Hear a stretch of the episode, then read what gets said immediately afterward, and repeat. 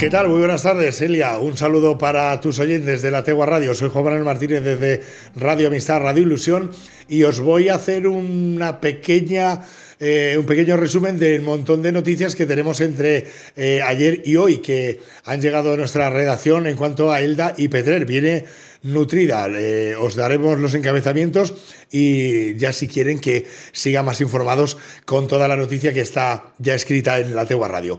Bueno, pues eh, empezamos con el Ayuntamiento de Elda, que renueva y actualiza la señalización del sendero que conecta los jardines del Vinalopó con la cima de Bolón para adaptarlos así a la homologación de la Federación de Deportes de Montaña y Escalada de la Comunidad Valenciana. Eh, se han puesto unos paneles desde el lago de los Molinos de Félix en el Vinalopó y se han eh, repintado todo lo que son la GR7, un sendero de gran recorrido que discurre de norte a sur eh, a España, eh, España, y que conecta Andorra con Tarifa. Ahí es nada. Y también se ha puesto también en valor y se ha repintado en concreto la PRCV 196 que lleva desde los Molinos de Félix hasta la cima de Bolón, adaptándose todo esto eh, a lo que es la federación para que así tenga la homologación como rutas homologadas dentro de todo el catálogo que hay.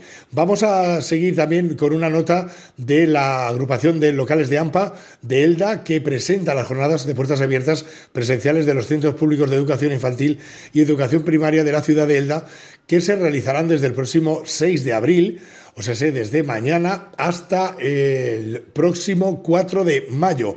Estas jornadas pretenden para que toda la comunidad educativa es importante, pero sobre todo para los padres y madres, para que puedan conocer los diferentes centros que hay y así tengan una visión de qué es lo que pasa de CUA a lo que necesitan ellos y ellas, sobre todo para sus niños y niñas. Ya saben ustedes que desde la Federación de la Agrupación Local de APAS y AMPAS de ELDA se invita a que visiten los centros y es algo pues, no podemos dejar eh, de lado, sobre todo la gente que tenga niños. Vamos a hablar también del Petrer Emprende, porque buscan en Europa aliarse con otros proyectos innovadores. Estamos hablando de Petrer para impulsar conjuntamente el emprendimiento. Así el Ayuntamiento de Petrer optará a los fondos europeos para generar nuevas ideas empresariales y ayudar a los emprendedores y reducir el desempleo en la ciudad de Petrera. Así el ayuntamiento va a pedir los fondos europeos con la mirada puesta en buscar nuevos nichos para el tejido económico de la población y así que permitan desarrollar, mejorar la iniciativa de los emprendedores y con ello contribuya, como decimos, a ver si bajamos también el paro como la noticia que tenéis vosotros de Monovar. El eh, concejal de Desarrollo Económico, David Morcillo, ha explicado que con esta iniciativa pretenden compartir y conocer otras experiencias de alianza con, otros, con otras cuatro entidades de otros tantos países, con la finalidad de impulsar políticas públicas para que sigamos avanzando en las necesidades de diversificación y la puesta en marcha de nuevas ideas empresariales. Esta puesta en marcha de Peter Emprende, perdón, que sigue una dilatada, una dilatada trayectoria ya desde hace muchos años. Y te puedo decir, y les puedo decir a eh, los oyentes, que nada más y nada menos que más de 200 eh, han sido las iniciativas que ya han visto la luz desde que comenzasen estas eh, cuestiones del Petrer Emprende en Petrer. No solamente para Petrer, sino también para toda la comarca y también la provincia de Alicante. Vámonos ahora con Petrer, porque David Pascual presenta su nueva, su primera novela, Entre Blanco y Negro. El, el autor Petrerí se aventura con este género después de sus dos poemarios en la lengua del estrecho y cuando muere la inocencia. El próximo sábado, 9 de abril, a las 6 de la tarde, en el Centro Cultural, David Pascual presentará su próxima novela Entre Blanco y Negro, obra que se suma así a los dos poemarios que escribió en el 2002 y en el 2004 respectivamente y que con este último consiguió el noveno, el noveno premio de poesía de Paco Moya. Vamos a seguir con eh, más cuestiones como es, por ejemplo, el Ayuntamiento de Elda, que ya ha adjudicado los trabajos para la construcción de la pasarela peatonal de las escaleras del Caliu, noticia que dábamos hace ya unos uh, un mes aproximadamente y ya están licitadas, eh, se les ha adjudicado a eh, una empresa para que pueda llevarlas a cabo lo antes posible. La eh, empresa en cuestión es IMSUD, Servicios y Concesiones SL, y permitirán cumplir con una demanda histórica que los vecinos y vecinas de la zona ya habían previsto y puesto en conocimiento en los presupuestos participativos de ELDA. Y este era el deseo de muchísimos vecinos y vecinas de esta parte de la ciudad. Continuamos eh, también ahora mismo porque en ELDA, Patrimonio Histórico, edita un libro que analiza la importancia del comercio y el transporte como vertebradores del corredor del Vinalopó. El concejal de Patrimonio Histórico Amado Navalón, acompañado del arqueólogo municipal Juan Carlos Márquez y de la directora de la sede universitaria de ELDA, Charo Navalón, ha anunciado en la mañana de ayer que hoy martes 3 de abril, eh, perdón, 5 de abril a las 8 de la tarde tendrá lugar la presentación pública del libro Comercio y Comunicaciones en el corredor del, del Vinalopó. La presentación del libro, editado por el Ayuntamiento de Elda a través de la Concejalía de Patrimonio Histórico, se realiza en el Salón de Actos del Museo del Calzado y el volumen se eh, recoge los actos, perdón, las actas del tercer Congreso de Patrimonio Histórico Cultural del Vinalopó, celebrado en noviembre del 2019.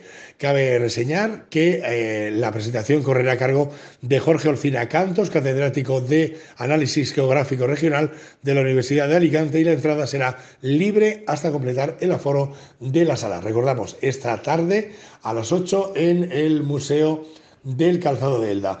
Y el Ayuntamiento de Elda también que refuerza la plantilla de la policía local con la incorporación de 12 nuevos agentes. Así Rubén Alfaro en el salón de plenos eh, del Ayuntamiento les eh, saludó y tuvo la oportunidad de dirigirse a ellos y también fue acompañado por el regidor eldense eh, José Antonio Amat, el concejal de Seguridad Ciudadana, Enrique Quílez y de Recursos Humanos y Jesús Selles. La toma de posesión eh, estuvo también eh, presenciada por las familias de los agentes que se han incorporado y que ya cuenta la Policía Local de Elda con 108 efectivos en, el, eh, en, este momento.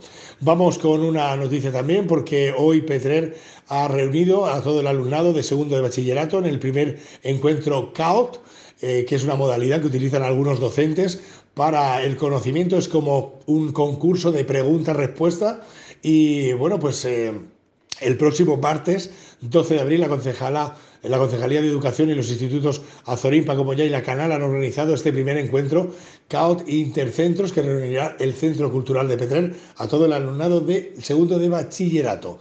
Eh, que quede claro, el 12 de abril, que lo, he dicho yo mal. Eh, bueno, pues eh, esta modalidad que la llevan también a cabo pues dos profesores, uno del Azorín, que es el Pedro Cibera, y Vicente Peñataro, profesor del Paco Moyá, que han calificado la actividad de este próximo martes como pura adrenalina, ya que se va a jugar presencialmente con los institutos de Pedrero Online y pueden llegar a jugar hasta 2.000 jugadores en una partida. Estaremos muy atentos a ver cómo se desarrolla este juego de pregunta-respuesta y para hacer saber el conocimiento que tienen nuestros jóvenes estudiantes.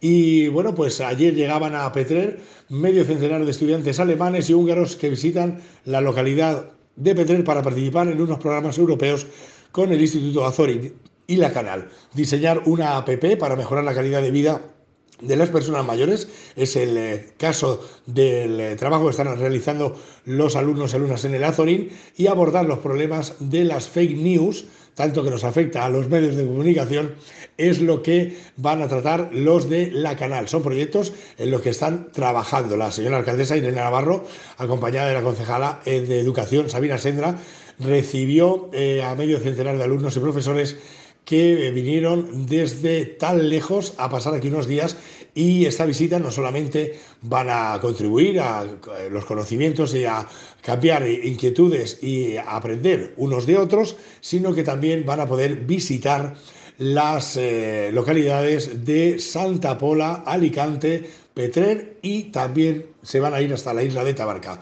El sábado partirán ya para, de nuevo para sus países. Bueno, pues hasta aquí las noticias de Radio Amistad Radio Ilusión. Como veis, está surtido, tiene toda la información en la Tegua Radio con eh, Elia. Y bueno, pues nada, a seguir informándose y un saludo desde Radio Amistad Radio Ilusión. Que tengan una buena jornada.